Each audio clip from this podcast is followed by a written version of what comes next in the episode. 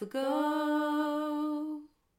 Cause everybody cries. Everybody hurts sometimes.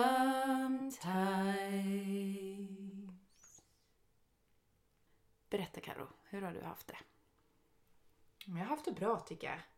Jag, jag tycker att det har eh, varit väldigt skönt att det har blivit ljusare ute. Det påverkar mig mycket. Sen behöver jag sova i och för sig hur mycket som helst i alla fall. Du har ju varit väldigt trött på sistone. Ja, men inte sådär... Jag har mina pigga stunder liksom så jag får ändå gjort saker och så tycker jag. Men jag måste ta en, en tupplur varje dag.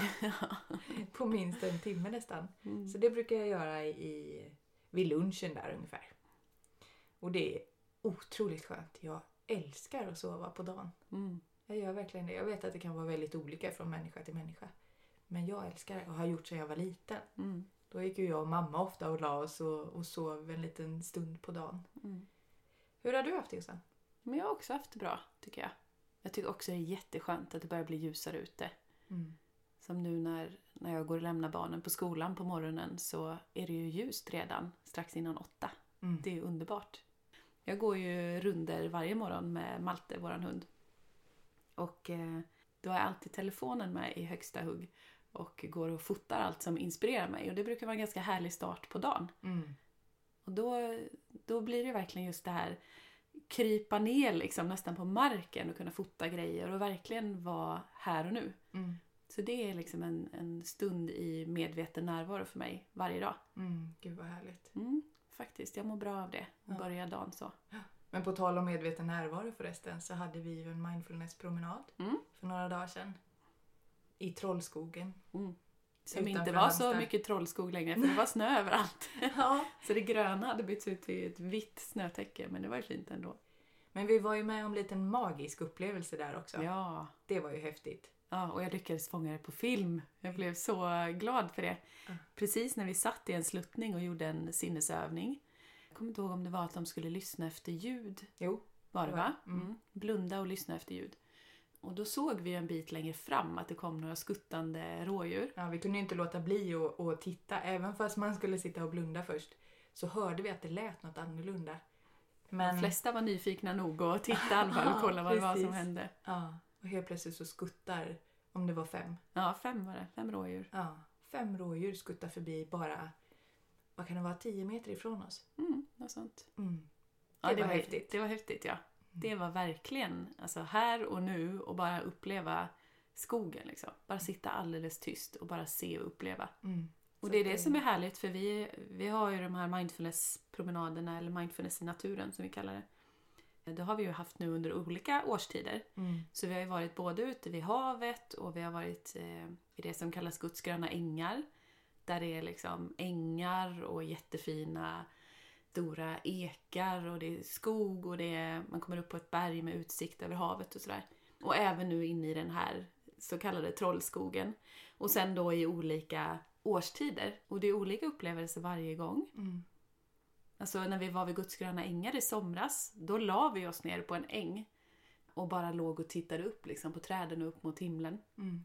Och då var det ju ändå varmt liksom och en helt annan känsla. Och nu fick vi uppleva vintern mitt inne i skogen. Som tur var blåste det ingenting där inne. Men också den där stillheten när det är snö. Mm. Det kan jag uppskatta. Om några veckor kör vi ju det igen. 28 februari och 28 mars. Mm. Då är det ju två timmar per gång. Ja, och då kommer vi också vara i Trollskogen de Mm. två gångerna. Och vill man veta mer om det så kan man ju gå in och läsa på våra hemsidor. Mm. Tankaromhögkänslighet.se Hållbarhälsahalmstad.se Mm. Men nu ska vi gå över till intervjun med Sissela i alla fall. mm. Så här kommer den. Idag har vi en speciell gäst med oss här som heter Sissela Persdotter Bremmers. Välkommen! Tack snälla! Jättekul att få träffa er och och få se er som jag får göra digitalt idag då. Ja, tyvärr så fick vi inte ihop att träffas live men det här blir i alla fall gott nog för att faktiskt få ett ansikte också. Eh, Jättekul att du ville vara med. Jag har ju följt dig på Instagram ganska länge och tyckt att det är så klok. Vad kul att höra. Ja. det värmer. Kanske ska säga också att du har ett konto som heter Nu snackar vi. Precis. Och du har väl ja, men strax under 10 000 följare eller något sånt där tror jag. jag ja, just nu så är status det ja. Mm. Mm. Och framförallt så skriver du mycket om det här med Suicide Zero och eh, SPES och de här olika organisationerna som du är med som volontär i och hela, hela din bakgrund också och din erfarenhet kring suicidala, vad heter det? Psykisk ohälsa kan man gå ja, under nog ja. hela det. Ja. Mm. Det hänger ju ihop där precis. Men kan inte du börja med att beskriva dig själv lite bara? Berätta om dig själv. Ja, jag heter då Sissela. Jag är 28 eh, år gammal. Jag bor i Göteborg. Och ehm, jag eh, driver det här Instagramkontot Nu snackar vi och har gjort sedan hösten 2016. Och eh, vem jag är utöver det, det är att jag har en, vad ska jag säga, i mitt bagage så bär jag med mig en erfarenhet av mobbning, att jag har förlorat min pappa i suicid för några år sedan, eh, att jag själv har varit deprimerad och eh, själv varit suicidal då. Och det är väl de främsta anledningarna till att jag skapade kontot där jag belyser de här områdena. Um, och att jag då är som jag är ideellt aktiv inom um, Suicide Zero som volontär och jag är samtalsledare för SPES och det är en organisation som jobbar med efterlevande stöd för de som har mist någon i suicid. Sen är jag också eh, maskrosbarn. Maskrosbarn är en organisation för barn som lever med en person eller en förälder med psykisk ohälsa eller missbruk. Så där jobbar jag timanställd som ungdomscoach som jag har hand om och mm. ungdomar följer upp. Så jag är ideell där ibland på deras ungdomsgård när jag har tid. Cool. så det, det är fullt upp. Ja men gud, jag förstår det. Hur sjutton har du tid med allt det? Hur får du ja, ihop det? Ja, den frågan fick jag senast igår faktiskt. Men det, det är nog det här att eh, ibland får man ta mer av en annan eh, i olika perioder helt enkelt. Och eh, ibland är det mer med ena organisationen, ibland är det mer med mitt Instagramkonto. Så att jag tycker det jämnar ut sig, för ingenting av dem är på 100 procent, utan man fördelar det ju eh, på olika vis. Så att jag tycker att det har gått ihop ganska bra de här åren. Men du ger ju väldigt, väldigt mycket till alla hela tiden känns det som. När, när får ja, du tillbaka? Känner du att det går i upp liksom? Är det jämvikt? Alltså, ja det där var svårt. Och så känner man så här, oj, jag ger så mycket ibland för man, är nog lite, man vill inte uppfattas som självgod. Det är nog också en sån där konstig känsla av att uppfattas. Jag tycker ändå man har lärt sig att jag fått höra mycket fina ord genom åren men det ändå är så svårt att ta emot dem på något vis. Jag tror det är det här att det inte uppfattas på ett visst sätt. Men ja, alltså, av det jag ger så får jag tillbaka en annan slags energi som man byts ut kan jag känna av, av allt ideellt jag gör. Jag kan vara väldigt dränerad för jag är ju ändå, vad jag skulle säga, en högkänslig person. Så att jag i perioder behöver återhämta mig på olika vis. Det är därför jag är, har varit under eh, perioder mindre aktiv på till exempel mitt Instagramkonto för att jag måste återhämta mig haft lite skrivkramp nu under pandemin till exempel. Mm, det är, mycket som påverkar när man känner mycket inne och när jag får energi tillbaka då försöker jag ta vara på det och det får jag mycket kanske genom mina, min närhet, alltså mina nära och kära, vänner, familj, min pojkvän, min katt.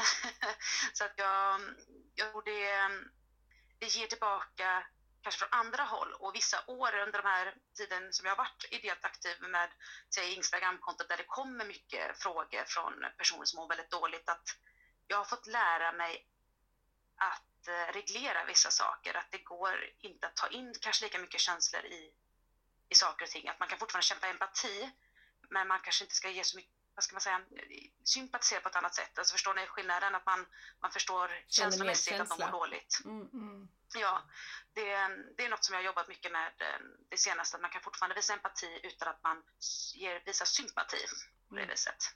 Mm. Hur gör du då? För jag kan tänka att det som sagt är många som hör av sig till dig.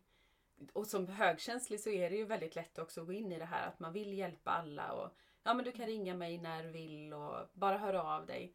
Mm. Var drar du gränsen där? För det måste ju vara väldigt lätt också att det till sist äter upp en.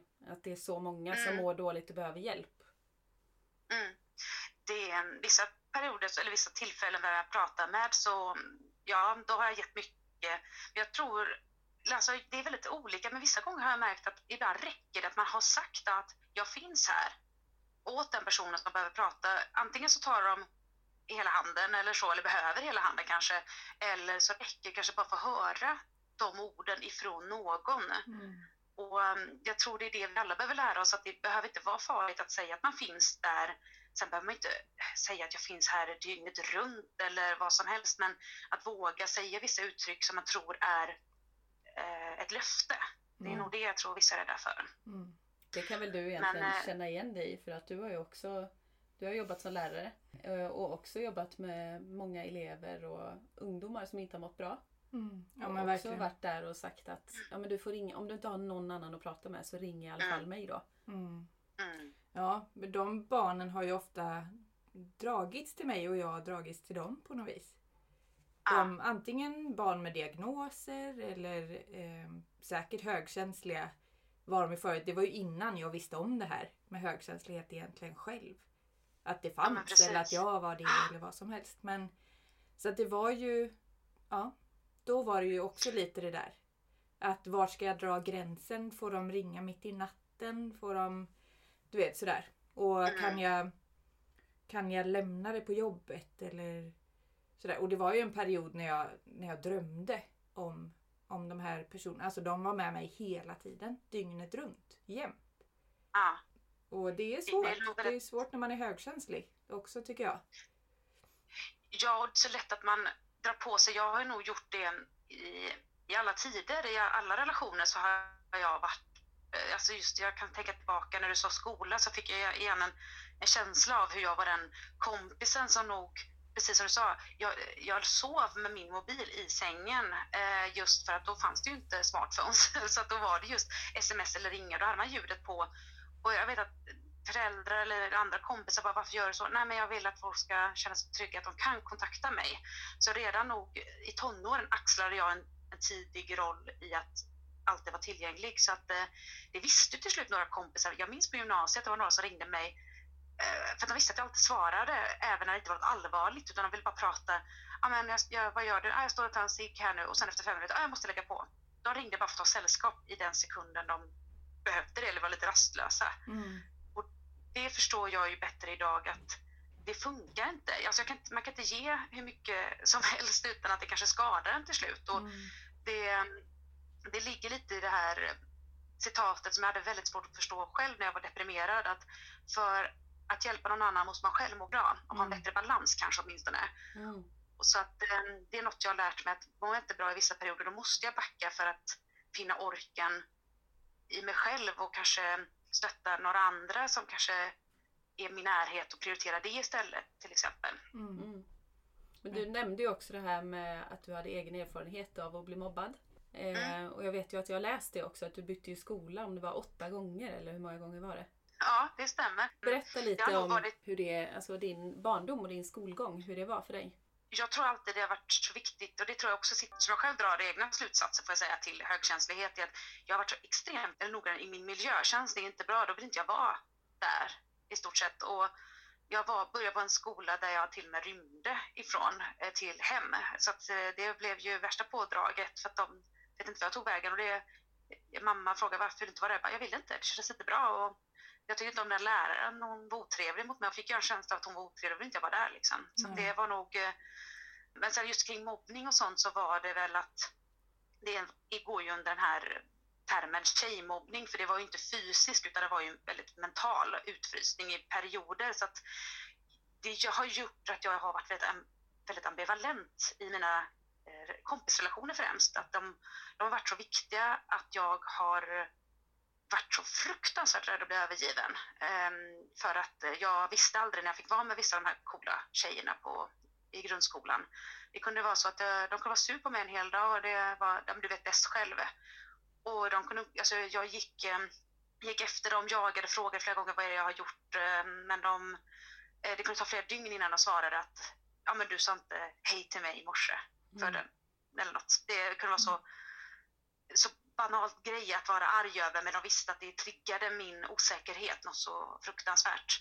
Och um, jag hade väl andra jag kunde varit med egentligen, men jag ville ju vara med de här specifika tjejerna. De skulle nog inte säga ens att det var mobbning, men utifrån att det pågick under så lång tid och så pass mentalt nedbrytande i perioder så har det är liksom inget snack om att det är, är mobbning på ett annat, en annan nivå, bara för att det inte är en klassisk variant. Mm. Så att, eh, det ledde ju till att jag hade ju suicidala tankar redan vid 8-9 års ålder och skrev i dagboken hur jag inte eh, ville, jag orkar leva lätt rättare sagt är det ju. Att eh, det var så tungt att aldrig veta om vad man hade sin plats kan man väl säga. Mm. Tillhörighet. Mm. Och just som högkänslig så känner man ju in allt det där också. Allt som de inte Verkligen. säger och tonlägen och kroppsspråk. Och får man då ingen förklaring ja. så tror man ju lätt att det handlar om en själv. Att det är nog jag som är fel ja. då jag har gjort något fel. Jag har sagt något fel liksom. Och det var ju mycket det här att det, det som man får lära sig tidigt som var den här ovissheten att jag kan inte kontrollera vad andra säger bakom min rygg och det var en det, det gjorde ju nästan sönder mig att jag mm. frågade den som jag tänkte var min bästa kompis, ja men vad har hon eller han sagt om mig? Ja men den säger att du är tjock eller den säger att du är tråkig eller den säger det att jag, och så fick jag ju inte säga någonting som jag hade hört heller så det var ju en, en fruktansvärd frustration över att inte kunna kontrollera det. Så jag tror att där någonstans började mitt kontrollbehov att växa mm. av att vilja kontrollera situationer. Mm. Och, um, det, och det som sagt har gjort att um, jag, jag har väl någonstans alltid letat efter en trygghet att få vara någons nummer ett. Det, det vet jag har satt spår hos mig och det är nog första gången då jag bröt ihop hos en psykolog när jag sa att jag ser hur jag går runt med mitt, jag kommer ihåg sådana här bästishalsband man delade. Mm. Sån hade, sån hade vi och vi bytte ju bästisar som man bytte underkläder i stort sett. Alltså jag fattar inte vad som hände på den skolan. Vi förstår nog inte innebörden av vad en bästis faktiskt var. Men då minns jag hur jag går runt med det här och frågar olika tjejer, kan du vilja vara min bästis liksom? Och det, då vet jag att när jag sa det här till en psykolog som inte hade tänkt på på flera år, hur jag bara bröt ihop liksom. Att mm. Det blev sån tydlig effekt att det här är det jag försöker återskapa i vuxen ålder. Försöka mm. finna någon som är min bästis liksom. Mm. Så det, det tyckte jag var, det blev väl en liten aha-effekt av att det är det här jag fortsätter göra i, i andra relationer. Men just vänskaper, det har alltid varit viktigast för mig. Just mm. vänner runt mig och mm. värna om dem. Mm. Jag tänker kärleksrelationer, har det varit likadant där? Där har det varit väldigt olika. Jag tror att där är nog varit mer bekräftelse på att jag både utseende och personlighetsmässigt duger. Eh, det har det varit i vänskapsrelationer också men där har det kanske varit mer att få en acceptans i, i normativt syfte. Att jag till, alltså just av att jag alltid haft svårt för att finna någon partner eller någon kill, pojkvän eller vad som helst. Det, mm, jag kan inte säga att min första relation går riktigt att räknas med för vi var ju typ 12 år när vi var tillsammans. Vi var uppe i tonåren. Eh, vi var ihop liksom tre år och det var jättegulligt för vad då. Men mm. Eh, efter det så i tonåren, alltså mina kompisar drev om min sexuella läggning på ett sätt som gjorde att även jag blev tveksam.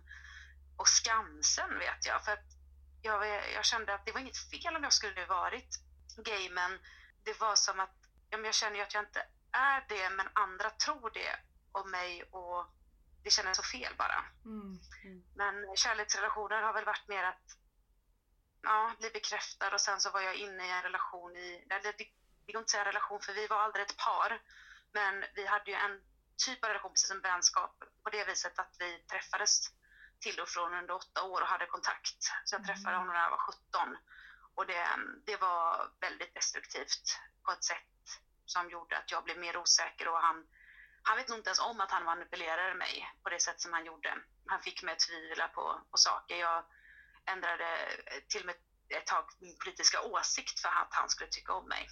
Mm. Det, det gick ganska långt kände jag och det, det var nog det bästa som hände 2019 att vi bröt upp det helt. Hade du ändå något hopp att det skulle bli ni för alltid? Liksom? Var det därför det höll i sig så länge? Eller? Jag tror det visst, till viss del var att man tycker någonstans jag har kämpat för detta så många år. Det borde ju hända något också. Och jag tror lite låg också i en sak som jag nog inte velat erkänna riktigt, men han var den enda som jag minns som började träffa min pappa innan han gick bort. Um, och då kände jag att då ville jag bygga nog på det att, ja men du visste fast jag visste inte hur min pappa var. Han hade bara träffat honom några gånger och min pappa tyckte inte ens om honom. för att han tyckte att han var en douche antagligen. Han, han hade väl en känning på det. Mm.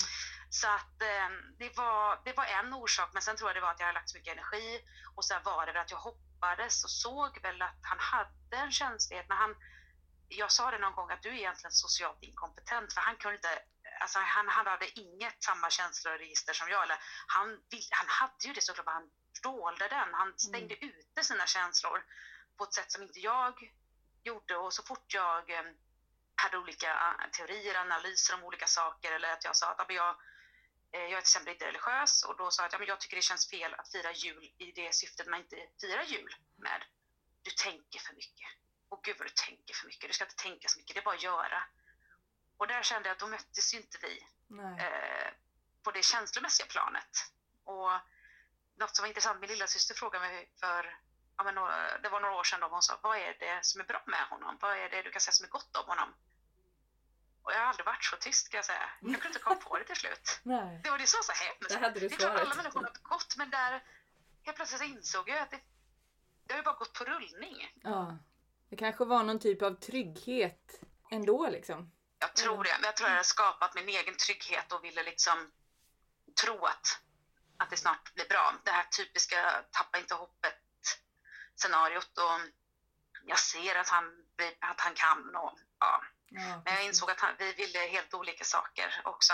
Det, det, är så mycket lättare när man kommer ur något som varit så destruktivt och hur han har manipulerat och just sagt vissa saker fick mig att vilja tro att ja, men det var mycket anspelat på ja, men sagt, allt från politik till hur, hur jag såg ut, hur jag borde förändra klädstil eller borde vara mer feminin. Alltså, allting blev ju osäkert på ett sätt som blir så kontrast till min, min pojkvän idag. Som snarare uppmuntrar till att vara så naturlig som det bara går. Och, alltså det, det var som natt och dag. Så första tiden när jag träffade min kille som är ett och ett halvt år sedan och min första seriösa relation så var jag sådär jag, jag är inte van vid det här. Hur, um, hur ska jag förklara att det här, det här är... Det, det var en sån djup analys i mig själv att gå in i att okej, okay, det är så här det ska vara. Mm. Det, eller kan vara rättare sagt. Att det ska vara enkelt för det hade inte jag mött i någon av jag, jag hade dejtat eller haft sällskap med förutom den här snubben som jag höll kontakt i åtta år. Att här föll det bara på plats och då jag hatar klyschor men det är verkligen som vissa säger att när det är rätt så är det rätt mm. och det när, det är, när, man, när det är, man träffar den som är rätt eller är bra för en då, då är det enkelt. Ja, precis.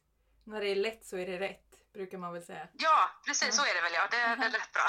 det, det stämmer nog. Ja. Den där åttaårssnubben, låg det mm. någonting i där att du ville... Snubben. att du ville Snubben, hjälpa... ja men det är ett bra ord. Var det någonting att du ville hjälpa honom tror du? Jag tror nog det låg något i det. Ja. Det är nog tyvärr något som många kvinnor kan känna igen sig alltså just heterosexuella kvinnor kan känna igen det här att man vill rädda kanske någon eller vad ska man säga det här att jag ville förändra honom framför allt att jag, mm. det går nog. Så att det var väl också att, ja, men jag tror det var att jag tyckte till slut synd om honom. Det var nog det. För han, han hade utåt sett, alltså det var sån uppenbarelse, för han bodde kvar i den den ort som vi hade bott i när min pappa gick bort till exempel och så besökte jag honom och så står jag i hans lägenhet med en ny produktion som han tjänar jättebra, det är dyra grejer och hans föräldrar har varit jättesnälla och gått in med eh, pengar för lägenheten och sådär och så säger han eh, jag bara, men du har väldigt fin lägenhet säger jag till honom då och, och han, han skiner upp på ett sätt som är nästan obegripligt. Det var som att eh, jag vet inte, han, han, han gottade sig i det något så fruktansvärt att jag, du tycker den här är fin alltså, du tycker det? Jag bara, ja det tycker jag. Och, sen, och jag sa att jag är lite avundsjuk och det var något han gottade sig i, att jag mm. hade en slags avundsjuka. Okay. Och sen när jag åker hem tillbaka till Göteborg så tänker jag, nej, han, han har knappt några vänner, han är väldigt ensam, han har bara, eller bara, bara, men han har sin familj, han har pengar. Men vad jag är mycket rikare fast jag bor i en sliten lägenhet utanför Göteborgs stadskärna. Liksom. Det, jag har vänner, jag har familj, jag känner kärlek. Det, då kände jag på något sätt att jag är rikare än mm. honom mm. på så många vis. Och det var en så häftig eh, känsla och det var någonstans där det började nog bli att jag inser att vi ska nog inte vara, ha mer kontakt egentligen. Nej. Vilken fin och viktig insikt i alla fall. Ja, faktiskt. Det kunde lika gärna gått åt andra hållet, men jag tror att det, det har varit mycket åt andra hållet. Mm. ska jag säga. Att det materiella sakerna, så det var väl en, eh, att jag jobbat mycket med mig själv på något sätt under en, en tid som gjorde att det kom faktiskt ikapp en där. Mm. Mm. Det var väl mer ett to do, eh, helt enkelt. Ja, Det var där det var svårast, att göra saker. Man visste, man agera var svårt. Mm. precis. Jag tänker på det här med din barndom igen och sådär. Och högkänsligheten och alltihopa det där. Fanns det Mm. fler i din familj som, som du tror eller som har sagt att de är högkänsliga liksom och sådär? Som du kunde spegla dig när du var liten?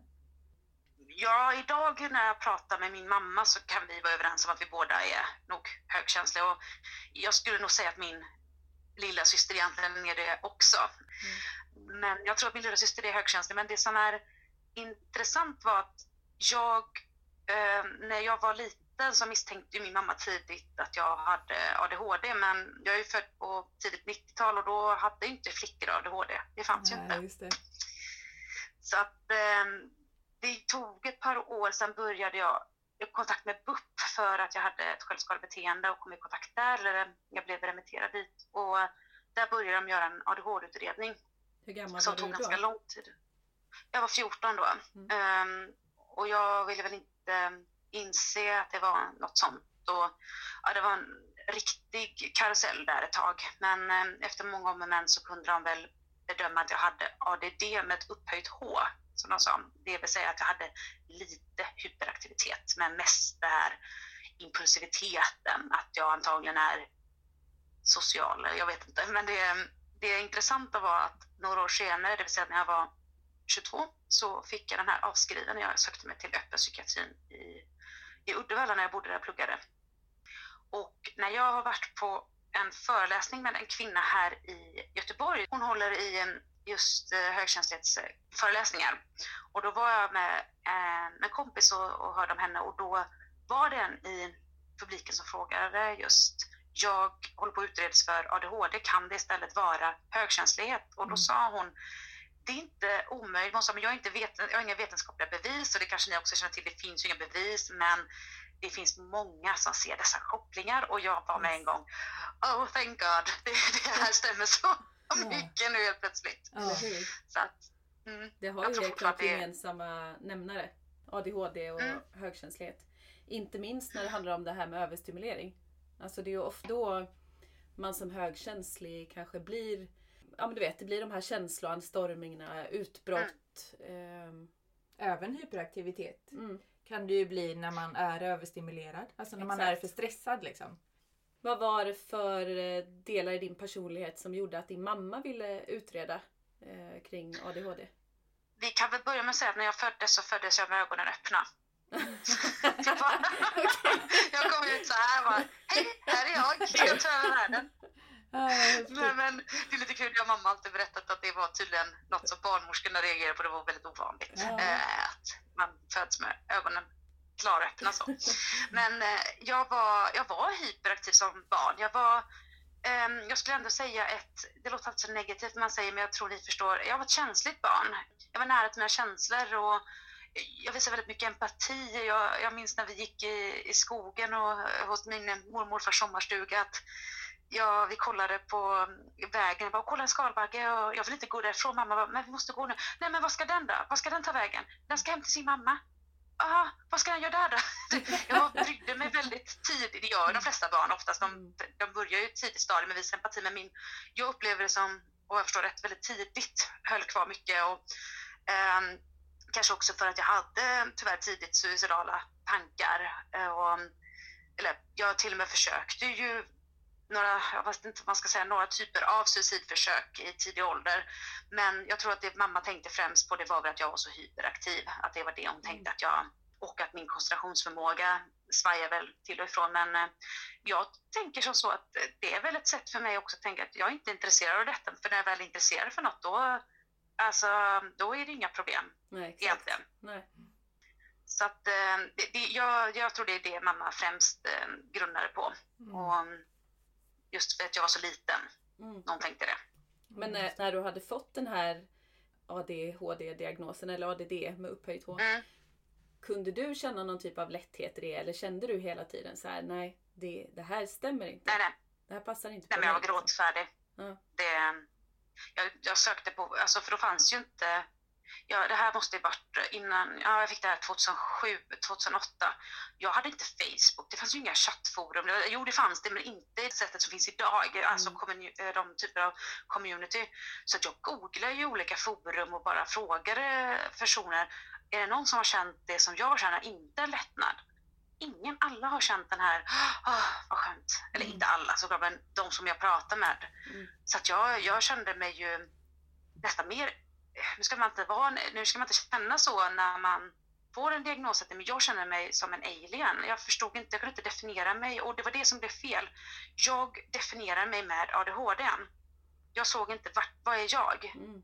Så när jag väl fick bort diagnosen så hade jag fortfarande nästan en kluvenhet i vad är Sissela och vad är detta personligheten. Jag ville fortfarande hitta en definiering av vad är det? Mm. Istället för att förstå att bara, som den eh, sjuksköterskan som jag pratade med på psykiatrin sa att du har nog en personlighet som påminner om ADHD. Mm, okej. Punkt. Mm. Intressant. Men då hade man inte börjat Mm. prata om högkänslighet kanske då? Om det var... Eh, Nej, jag har aldrig hört om det 07, innan. 08 där. Nej. Ja, nej, men jag tror att um, det högkänslighet har nog inte hört för att när jag var 22 och den här eh, diagnosen avskrevs då var det typ 2014, 2015. Så då hade jag inte hört om det. Nej. När fick du först höra talas om högkänslighet? Jag tror det är, ja det är nog tre år sedan tror jag. Något sånt. Vart då? Så det är Vart fortfarande hörde du ganska- det och hur? Liksom? Nej, men jag undrar om det var i, samband med den här föreläsningen som jag och min kompis gick på då. Jag kanske har hört om det lite innan och sökt lite, men jag tror det blev tydligare. Jag skulle nog vilja säga från 2018 ändå, för att vara helt säker. Mm. Ehm, för då blev det var då jag började skriva om det på mitt konto också vet jag. För det var liksom det var ju så revolutionerande på något vis att det inte är en diagnos men det är ändå en, ett sätt att försöka få ett begrepp om vissa saker. Och då fick jag också svar på varför jag, jag tidigt kände som barn när jag gick in i vissas lägenheter eller hus att det kändes inte bra energimässigt. Inte att jag trodde att det var något spirituellt sätt utan mer att den här, jag, jag minns att jag sa till min mamma någon gång när vi var hos någon släkting, det känns inte bra där. Det känns mycket bättre hemma hos oss. Mm. Mm. Hon bara, ja, men jag, hon sa det, jag förstår. Min mamma har också varit väldigt spirituellt och, och så, så vis. Men just jag minns den känslan att det känns aldrig bra där. Jag skulle aldrig liksom, vilja sova över, det vill jag aldrig göra. Utan det var något sånt där, det känns inte mysigt på något vis. Nej. Det var väl mitt sätt att förklara det. Mm. Skönt ändå att hon förstod Det det så att du inte blev ifrågasatt eller kände att så här, det är fel Nej. det jag känner. Det tycker jag inte har blivit av, eller alltså, det, det har väl blivit i andra saker, men inte i de här sakerna, varken av Mm. mina föräldrar på så, på så vis. Det är ändå skönt. Det förstår jag. Men du tror att din pappa var högkänslig? Nej, ja, det är en svår... Han var ju helt klart en känslig individ, men det är i, i en machokultur kan man ju Mm. säga.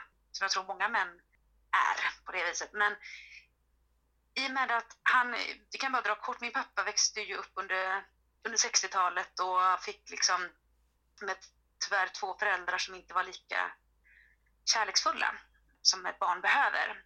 Mycket närhet, det var ingen liksom det i korta drag så har min mamma nästan, kanske överdrivit, men hon har sagt att när hon träffade min pappa så fick hon nästan lära honom att kramas. Mm. För att han har liksom inte vuxit upp med den, den närheten.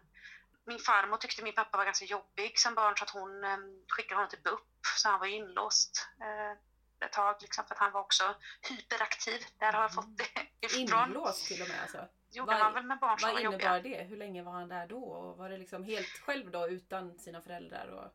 Ja, han, var, ja, han besökte väl då. Jag, jag minns inte hur gammal han var, men alltså han var inte... Han var under tio vet jag. Han var gud. liten. Usch vad hemskt. Mm, verkligen.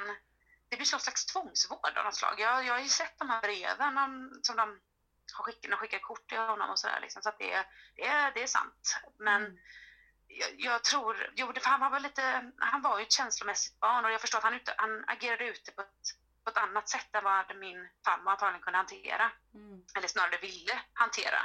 Det har ju påverkat min pappa väldigt, eller jag vet att har påverkat min pappa väldigt mycket så att jag förstår ju att en av orsakerna till att han nog tog sitt liv är nog mycket på grund av svår barndom. Eh, utan tvekan. Sen är det nog andra faktorer också, eller det vet vi, men det är en av, av kärnan till det utan tvekan. Mm. Berättade han någon gång om det där med tvångsintagningen själv för dig? Har han pratat om det själv? Nej, jag tror faktiskt det var mamma som berättade. Mm. Um, men han, förne- han har inga problem med att... Jag skulle nog säga att min pappa var relativt introvert egentligen idag skulle jag säga. För att den extroverta sidan har jag fått av min mamma och min mammas sida. Um, för min, min, pappa var väldigt så, han gillade att jobba själv, han var ju musiker så han, han tyckte om det. Och, han, han kunde vara social men de senare åren, han hade knappt några vänner. Han trivdes med bara att vara med vår familj och sådär. Han hade ju fantastiskt rolig humor så att han, han hade, men han var en sån som satt och tänkte, ni vet att när man sitter i ett, i ett grupp så var han den som på någonting, då sa han något roligt och sen backade han tillbaka igen. Liksom. Så okay. det var, det var så jag oftast minns det. Mm. Um, men jag tror han fick mest energi av att vara med familjen eller själv. Så Mm. han var gärna ute på skogspromenad med vår hund och joggar eller så var han iväg och gjorde musiken själv och sådär. Så att jag, jag skulle nog säga ändå att han var mer en introvert person Mm. eh, faktiskt. Och det, därför, jag tror inte det handlar om att han inte ville prata om tvångsinläggningar utan jag tror det handlar mer om att det var Ja, det kanske var svårt att prata om det men jag tror att det var för att mamma redan nämnt om det på något vis. Vi hade aldrig ett sånt rent prat men han berättade ju hur han upplevde sina föräldrar, absolut. Det gjorde han. Mm. Vågade han vara eh, känslosam och vågade han liksom visa kärlek och sånt där till er? Gjorde han det? Ja, gud ja.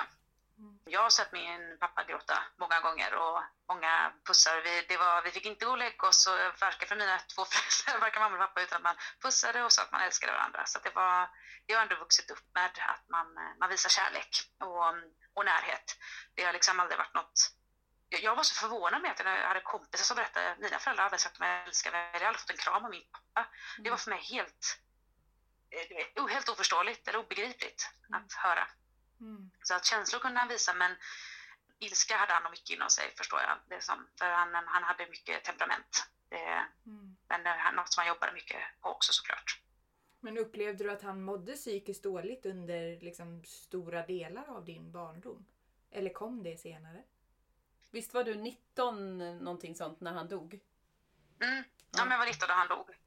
Och vi hade inte sett eh, någon av oss att han hade mått dåligt under en längre tid. Men jag har ju förstått att mycket var inte bearbetat. I, ja, men just som sagt, han hade, eh, hade bar på mycket ilska, märkte vi redan som barn. Och att han, att han var väl lite till, tillbakadragen i vissa sammanhang. Men det var nog främst när han eh, eh, sa upp sig från sitt jobb där 2012, början av 2012. Så um, gick det liksom snabbt, väldigt snabbt neråt. Och um, det, är så att det är ju bara en orsak, utan det fanns ju flera anledningar till att, nog att det gick så fort. Men jag tror att det var det här som jag själv kan känna igen mig i eftersom jag själv varit suicidal, att det räcker tyvärr att vissa saker händer för att det ska bli mörk, mycket snabbare nedåtgång i, Mm. i sina känslor och tankar. Mm. Och jag tror det är det som kan ha hänt för det dalade väldigt snabbt för att han gjorde sitt första suicidförsök i april 2012.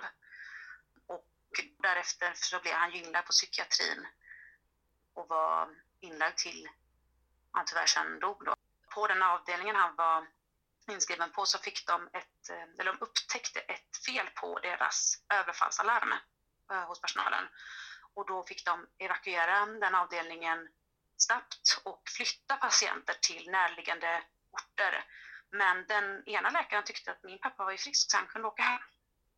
Och um, det var kanske bara någon vecka eller en och en halv vecka senare så, så var han död.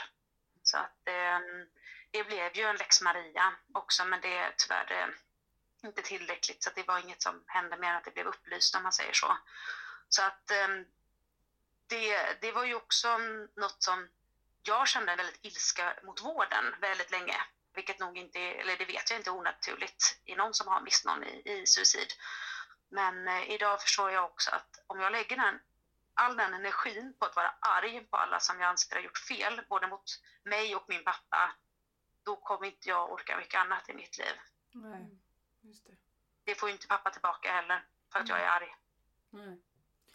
Men visst var det så att du också har fått höra av psykvården att, alltså i samband med att du var suicidal och inte mådde bra där, eh, Mm. att du mådde för bra och att du inte skulle skrivas in eller vara kvar?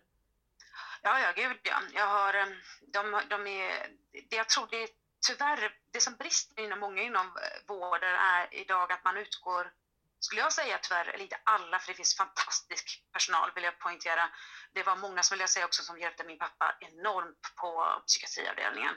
Men jag tror tyvärr att många utgår från en grundmall, hur, utifrån hur du beter dig, hur du ser ut och utifrån ditt eh, nätverk. För det är ju det man ser utifrån, okej, okay, hon bor inte själv, eller hon bor själv men hon har väldigt god relation med sina, sin familj, tänker från mig då. Um, hon har förlorat sin pappa i suicid, men hon jobbar ju, hon klarar ju av det och hon ser ju sminkad ut och hon har kläder på sig som ser hela och rena ut. Nej men, nej men det funkar nog. Mm. Det, känd, det var nog det jag upplevde att de utgick efter. Och um, jag gjorde ju ändå, ändå något slags suicidförsök och jag hade planerat väldigt väl hur jag skulle göra, men jag blev stoppad av min mamma och när vi kommer upp ytterligare en gång till psykiatrin och den läkaren.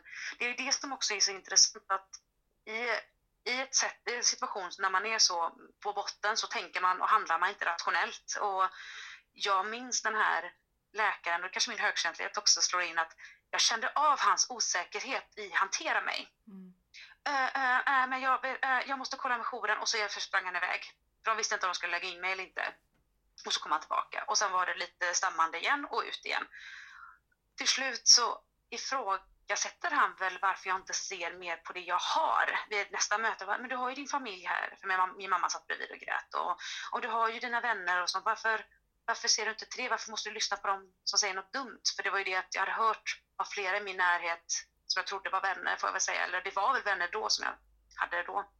Eh, hur jag var egocentrisk eller hur jag var var ja, men, i princip dålig i mitt sätt att tänka. Man förstod inte sjukdomsbilden, man ville liksom skuldbelägga mig i, i mångt och mycket.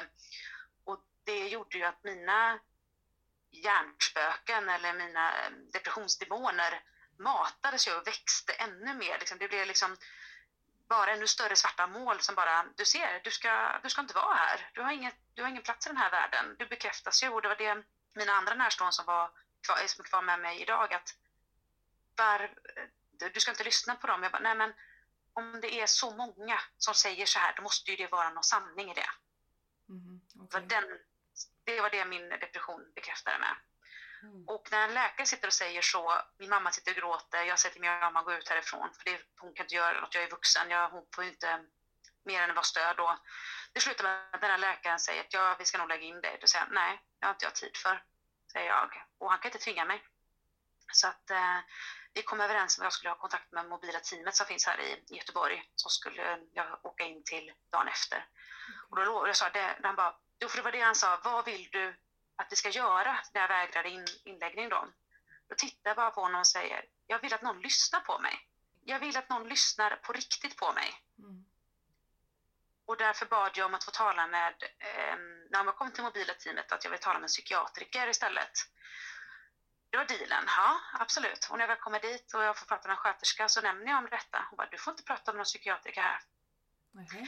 Där tappar jag väl bristen på mitt förtroende till vården ytterligare en gång och eh, den gången hon ringde för att följa upp mig några veckor senare så säger jag att allting är jättebra och då hör jag att hon är lättad för då kan ju hon skriva av mig mm. från, ja det blir komiskt i detta och det här är tyvärr, det här är så många som berättar det här för mig om och om igen, mm. sina erfarenheter på i ja, alla mina ideella sammanhang och jag, jag, jag kan, man kan säga vad som helst att det är fel människor på fel plats, men det är fortfarande ett kastsystem helt enkelt. Och att jag sitter här idag, att jag lever, det är ett, tack vare att mina närstående hjälpte mig och att jag slutade med de antidepressiva jag gick på just då. Det, jag ska inte säga att jag inte hjälper folk, det tror jag absolut, men just de jag gick på och att jag ständigt ökade i dos gjorde inte mig bättre, tyvärr. Så att du fick medicinerna när du var deprimerad, men de gjorde i princip ja. bara dig mer deprimerad? Ehm, jag får väl tillägga att jag gjorde ett preparatbyte också. Okay. Jag eh, gick på ett annat preparat som funkade ganska bra, men det gav inte, när jag blev djupare deprimerad, en tillräckligt stark effekt. Och då bytte vi. Och när jag gjorde de här skattningsskalorna om och om igen och fortfarande var lika deprimerad, vad gör läkaren på vårdcentralen? Ja, men då ökar vi. Det, Sist så skulle jag ha dubblat min dos, men det gjorde jag aldrig och det är jag glad för att jag inte gjorde, för då vet jag inte hur det... Jag vet ännu idag inte hur det har varit då. Sen mm. begärde jag att byta läkare och det var nog också bra. Men hur gick det när du slutade helt med medicinen då? För då kan man väl också få eh, ganska djup dipp om man säger så? Ja, jag gjorde ju något som man absolut, absolut inte får göra. Jag försökte sluta tvärtom och jag fick ju extrema utsättningssymptom. Ja. Um, Jag låg ju och frossade och skakade och mådde illa. Nej, det, jag fick till slut börja med dem igen och trappa ner på ordentlig väg. Men det, det, det var intressant för jag hade uppföljning med den nya läkaren som hade koll på mig. För det är också viktigt att om man slutar, att det är viktigt med uppföljningen och att se hur det, hur det ger sig. Och då minns jag att någon gång, jag minns det så väl att jag pratade med den läkaren, jag tror vi hade ett telefonsamtal och sa, jag vet inte, men helt plötsligt känns det bättre. Alltså att jag nästan kunde andas igen. Och jag sa, kan det bara bli så ur en depression? Kan man bara komma ur det? Han bara, i, i vissa fall kan man bara, om man nu säger så, komma ur det.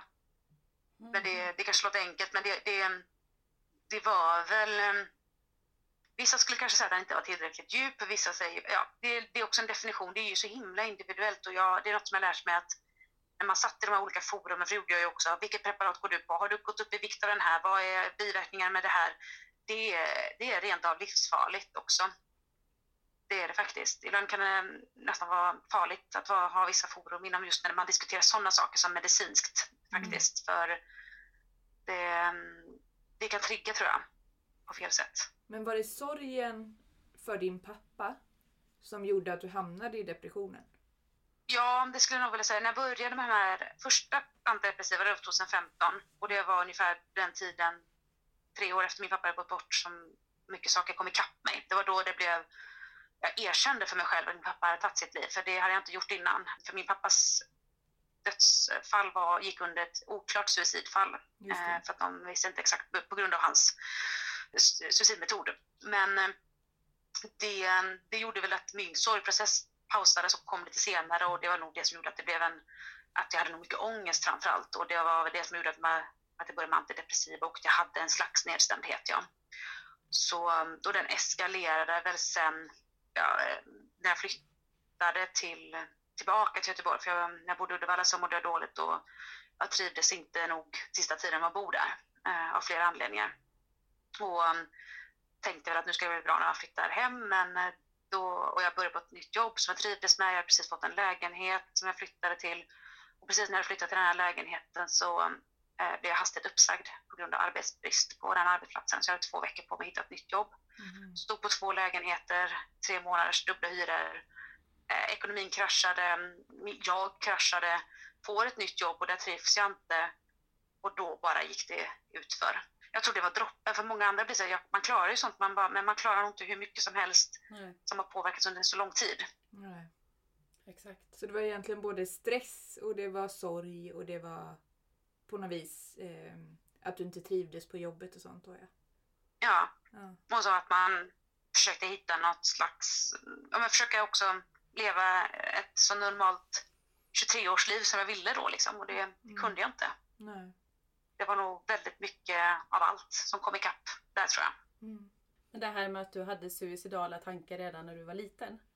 Eh, mm. Tror du att det bara var kopplat till den här känslan av utanförskap eller mobbning? Eller var det liksom ångest eller depression eller andra eh, grejer upp till också? Påverkat av annat med? Jag är rätt säker idag på att det jag kände som barn var ångest, definitivt. Um, så jag är helt säker på att det var ångestrelaterat till de tankarna också. Men jag tror det främsta var nog inte utanförskapet eller mobbningen i sig, utan jag tror det handlar om att min självkänsla var så fullständigt dålig att jag fick de här, eller det spädde på de här suicidala tankarna, att, eh, att de kanske blev lite bekräftade utifrån mobbningen också. Mm. Så att eh, det, det var nog mycket, det var väl främst det, att jag inte kände, även fast mina föräldrar sa att de älskade mig, jag kunde fråga dem till det, men det var, jag tog liksom inte emot under den tiden som det gör idag istället.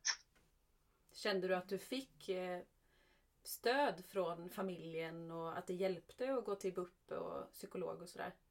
Jag har, jag har alltid varit intresserad av att prata med en opartisk faktiskt. Det är väldigt, vad jag förstår idag, väldigt unikt att vilja det. Jag, jag började hos en psykolog redan när jag var tio då, när jag var mobbad.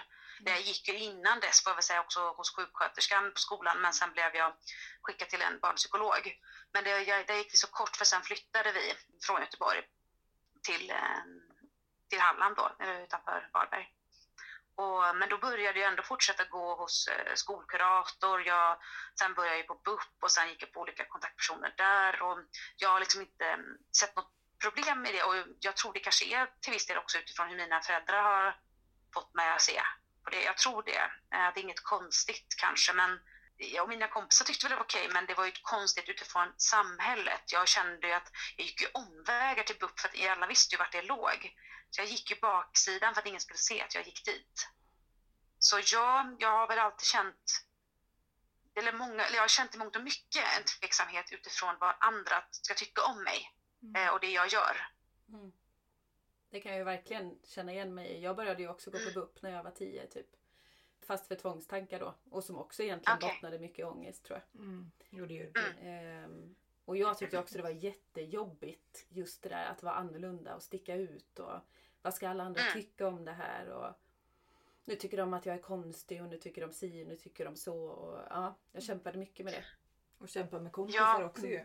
Och jag uttryckte också någon gång när jag var, ja men det kan väl ha varit i tioårsåldern kanske, så vet jag också att jag, Mm. Alltså jag gjorde inget suicidförsök eller så, men att jag uttryckte Nej. just där att om livet ska vara så här så vill jag inte leva. Jag orkar Nej. inte ha det så här, jag orkar inte må så här. Mm. Men det jag har förstått nu också när jag vet mer om det här med högkänslighet och så, är ju också det här med att som högkänslig har man ju ofta låga nivåer av serotonin kemiskt i kroppen. Och det kan ju också vara en bidragande orsak till att man lättare, alltså att man blir mer sårbar på något sätt för det här med ångest och depression och sånt. Mm.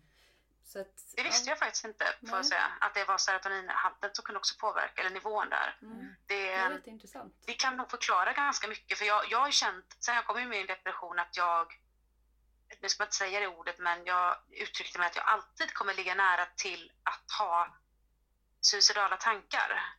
För det är också viktigt att betona att, att få en tanke är inte det som är det farliga egentligen, för vi alla får tvivel på om vi för livet och Mm. tanken på döden kan kännas som en, en trygghet. För oftast det är ju det som gör att en, en person som alltså känner den känslan att det blir lite skönt att ja, men då, det finns en, en lösning tänker man men man förstår kanske inte att den är permanent på ett sånt brutalt sätt som det blir. Mm. Men det, det vet jag att jag har nästan fått acceptera hos mig själv att jag kanske kommer alltid alltid, men jag, jag tror att jag kommer ha lättare för det, att jag är en person på det viset. Men det kanske ligger mer i, i det du nämner om att det är eh, min högkänslighet.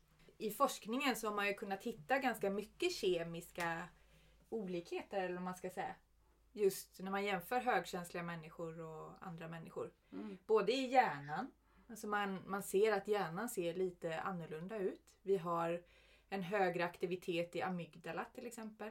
Som Mm. är brandalarmet, kroppens brandalarm. Mm. Det är därför vi lättare blir ut, alltså får oro, ångest, man blir rädd för olika saker, man kan få fobier. Sådana där saker då. Och sen har vi också starkare aktivitet i våra spegelneuroner. Vilket Mm. innebär att vi påverkas mer än andra av andra människors vad heter det? Känslor och Känslor och humör Mm. och alltihop. Energier med andra ord, liksom. Hur, Ja hur men att andra man är. påverkas mycket precis av energier. Liksom, Vi sådär. har ofta högre nivåer av kortisol, Ja, som är ett stresshormon. Mm. och av dopamin.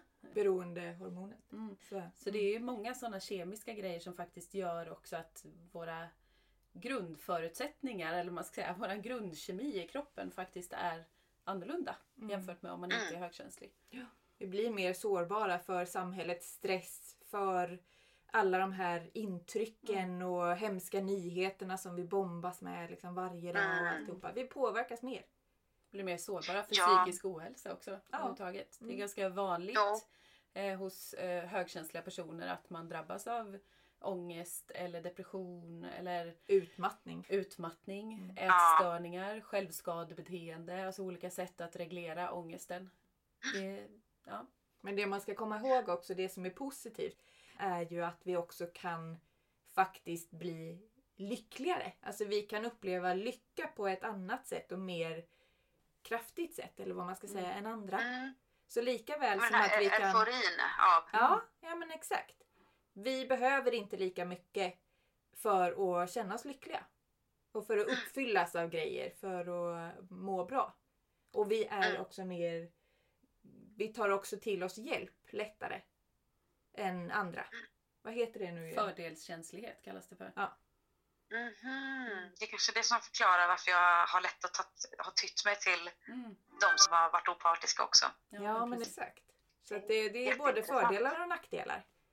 Ja, verkligen. Så är det ju. Det jag vet att många ifrågasatt till exempel det här att man säger att ADHD är en superkraft till exempel. Att det, mm. det är lätt att säga så, men det är ju inte alla fördelar som är positiva. Och det var ju mm. där jag nog också gick inom ramen när de satte min ADHD-diagnos till exempel, att jag nog hade de här, just den här ångesten som vi pratar om eh, och just att det var eh, just att man kunde även gå under att det här att vara, eh, att jag hade självskadebeteende till exempel.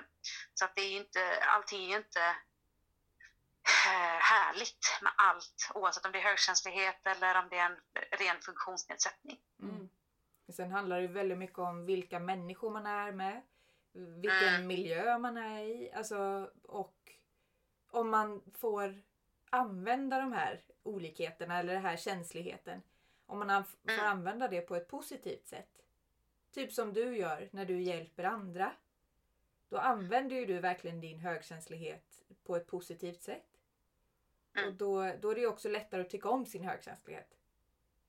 Verkligen, och att den kan ge den energin av att att kanske orka också framför allt. Det är väl det mm. mycket. Det, det, den kan, jag, jag känner väldigt mycket av det när jag håller våra så här samtalsträffar inom SPES. Att, eh, vi pratade om det för ett tag sedan, jag och min eh, kompis och um, ja, min volontärkollega får jag säga, som håller de här träffarna i Göteborg. Vi saknar de fysiska träffarna för att det var, det var sån laddad energi i det här rummet. Alla vi mm. har kommit hit för vi känner eller upplevt samma smärta och vi pratar öppet med en gång. Det är också en väldigt surrealistisk, det skulle man aldrig göra på en kafferast liksom, på jobbet. Men, och där, där är det liksom helt okej. Okay. Så efter de två timmarna vi har suttit där, alltså när jag har åkt spårvagnar hem, jag är helt dränerad, jag är helt slut och alla bara, men orkar du göra Varför gör du fortfarande? För det ger tillbaka. Mm, mm. Det dränerar för stunden är man trött, Exakt. men sen får jag tillbaka saker. Och nu när vi gör det digitalt så brukar vi vi peppar varandra mycket, jag och Stina som hon heter. Vi, vi, ger, vi gör high five i webbkameran efteråt. Vi mm.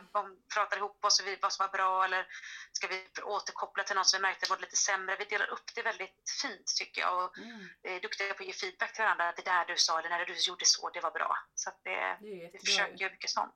Mm. Ja, och då, och då är det som du säger, då är det superviktigt miljö och vem man är med. Mm. Även i de här sammanhangen. Ja. Även när det är något och också det här med att följa sin, sin inre lätthet på något sätt. Eller magkänslan. Vad den säger. Ska jag göra det här? Ska jag mm. inte göra det här? Vad, man, precis som du beskrev där med, med din eh, pojkvän. Att så här, när det väl mm. var rätt så kändes det lätt. Och så är det ju ja, med annat i livet ja, också. Alltså är det rätt så känns det lätt. Och går man emot mm. sig själv hela tiden så, och att det bara känns tungt, då får man ju inte kanske heller uppleva de där härliga sidorna med högkänsligheten på samma sätt. Då kommer inte de fram lika lätt. Nej, Nej men precis. Och sen har ju, apropå min kille, så har vi märkt en, det är en liten utmaning vad jag förstått som, för han är definitivt högkänslig också. Och är väldigt nära till känslor och, och så. Det, det är ju något som jag beundrar, men det har jag förstått att två högkänsliga kan ha lite svårt i vissa saker. Alltså, för då kan det bli att de hjälpa varandra. Mm. Eller så har det liksom till och med blivit någon gång att när han har varit ledsen över någonting, då kan jag till och med backa liksom, för jag tycker det kan, oj, mm. oj, hur ska vi göra, göra här liksom? För då vill man skydda sig själv samtidigt som man vill förstå. Men nu har det gått en tid så det vill jag säga att nu, nu går det ganska bra. Men det var något jag märkte i början som var ovant för mig. Att vara nära någon som, eller i stort sett ha en så nära relation med någon. Till skillnad från den här åttaårssnubben som vi sa. Ja, Där fanns det ju inget sånt. Nej. Då är det en jättekontrast till någon annan som är så nära känslor på ett annat sätt och som också har jobbat mycket eh, på djupet med sig själv. Mm. Det, och det var något fint och det var en, en fin ovanlighet, så får jag säga. Mm, precis. Hur ser du på framtiden nu då? Ja, vår, eh, min, vår börjar med en gång. Jag är inte van vid att säga det, men nu har det börjat. Men vår framtid tycker jag börjar med att vi ska flytta ihop här nu om eh, några veckor bara. Oh. Så är där. Ja, så det ska bli häftigt och det är ju något det varit jätteläskigt för mig också känslomässigt och det här med att behöva vara i fred och sådär. Men eh, det, det kommer att ordna sig. Jag får bara lita på, precis som allt som har varit där med pandemin nu, att man kan inte kontrollera allt. Det är mm. något som jag har fått jobba mycket med under förra året och, och nu. Mm. Men annars så ser jag min framtid på ja, men mycket ljusare. Det är lite läskigt det här att faktiskt våga känna det här att det kan, kan vara okej okay även när det inte är fullt ut 100% bra. För man, jag tror det är det som jag tror vi alla lever lite farligt med, att man måste uppnå den här euforiska lyckan. Att man, det är det vi alla strävar efter. Men att bara acceptera att eh, livet kan vara bra även när det inte är, eh, allting faller på plats, alla pusselbitar är på plats, utan det kan fortfarande vara bra. Mm.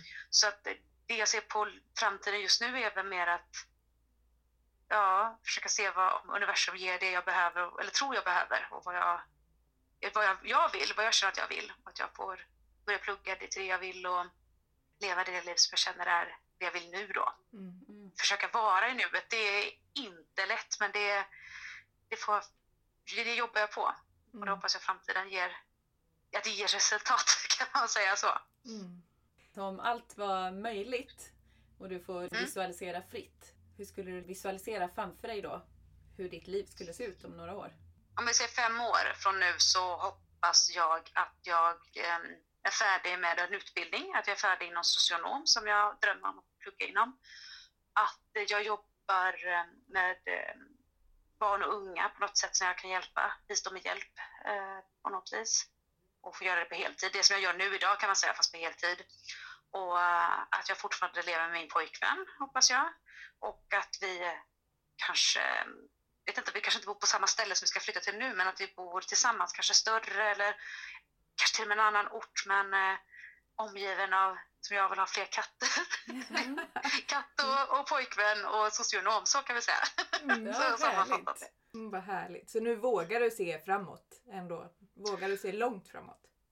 Ja, och det var nog kanske det som också skadade mig lite, att jag, att jag ville se framåt, men det blev inte som jag tänkt mig. Och det, det är nog något som jag släppa tillbaka mycket i. Det, det ligger kanske också lite i ens utvecklingsprocess eftersom att hjärnan inte, var inte färdigutvecklad när jag höll på med mina drömmar när jag var 16.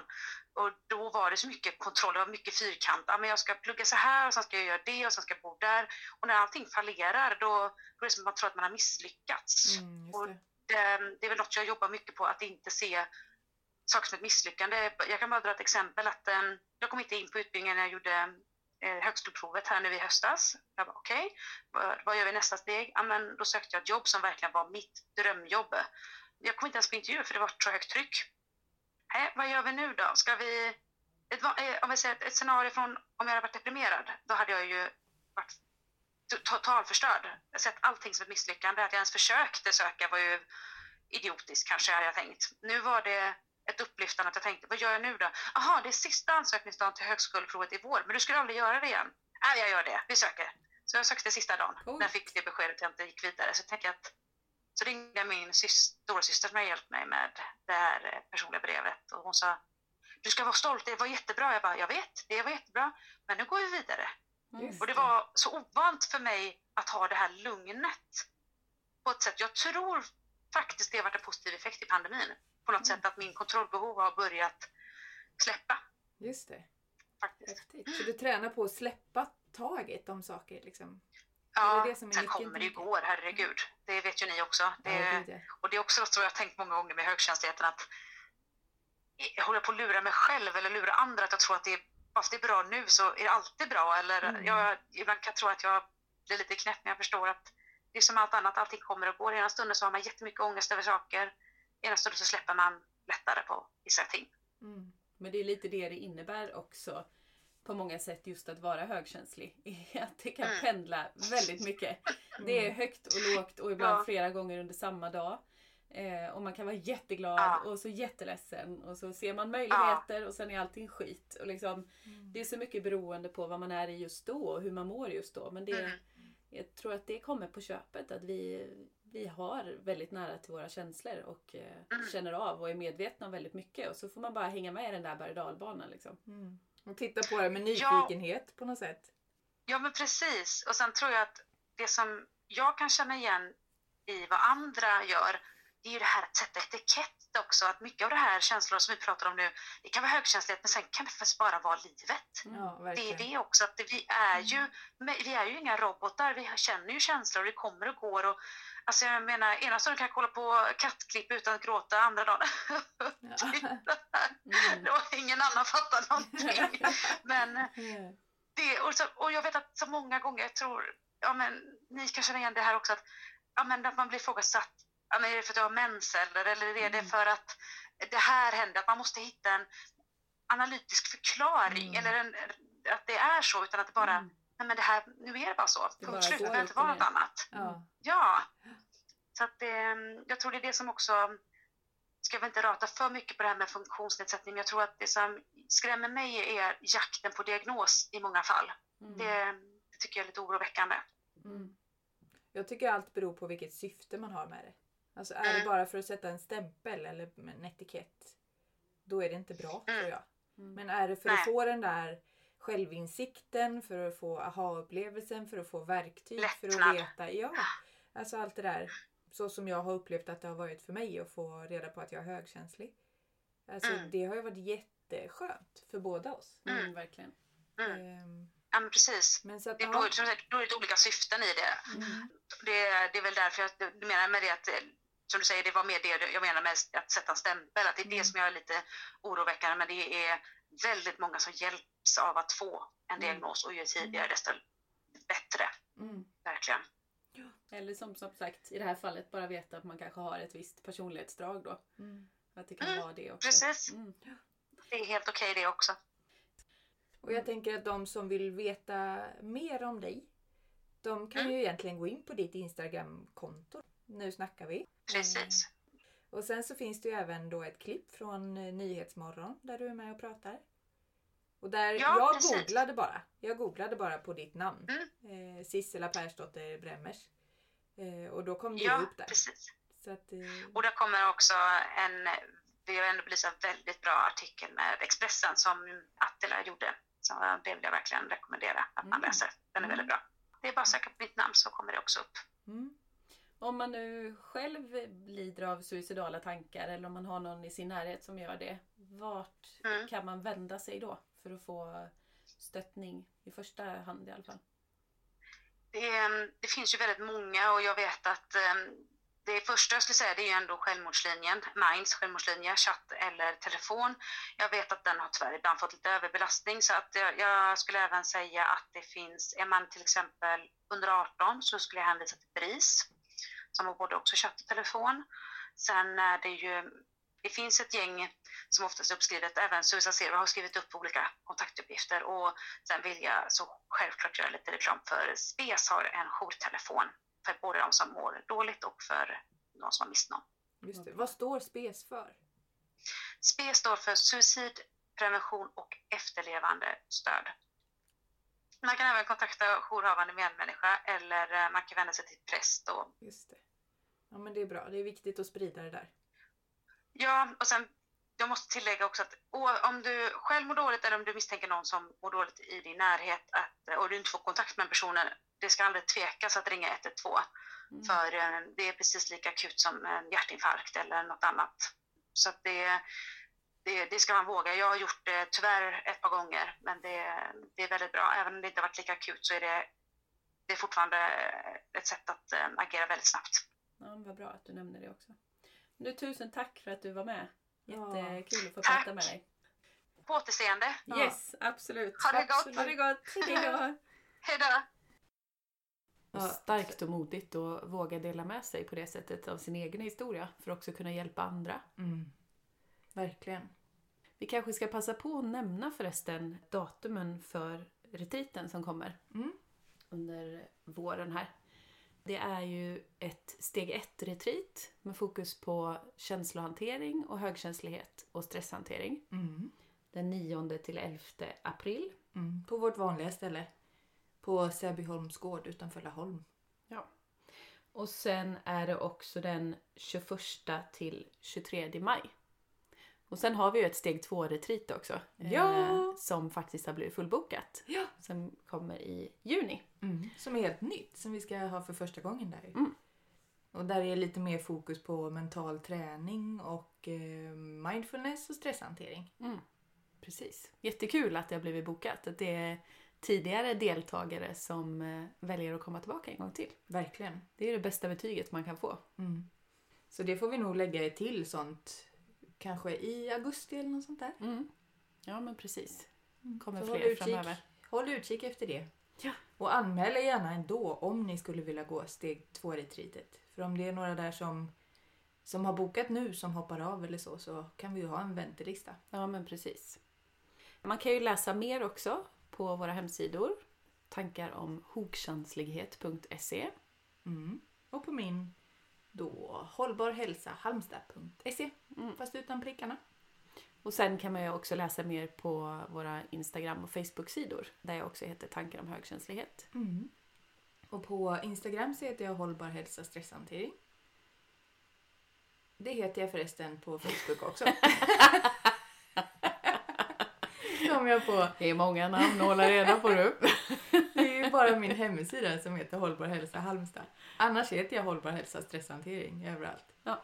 Men jag krånglade till det lite extra för att göra det lite, lite spännande. Hängde ni med? Mm. Ja, men eh, som sagt, så där lägger vi ut info om eh, kommande aktiviteter. Och sen så har vi ju vårt nyhetsbrev också som man gärna får anmäla sig till när det gäller stresshantering för högkänsliga. Och vart anmäler man sig då Jossan? Då kan man skicka ett mail till mig på josefine at tankaromhogkänslighet.se Yes. Det blir bra. Så hör av er där om ni vill få lite förtur till evenemangen och alla sakerna vi har för oss. Mm, precis. Om ni vill ha platser dit. Eftersom vi har begränsade platser på de flesta av våra aktiviteter så är det ju lite först till kvarn som gäller. Det är det. Tack för idag! Tack själv du. Vi ses och hörs. Tack alla fina lyssnare också. Ta hand om er så länge. Hej hej! Hej hej!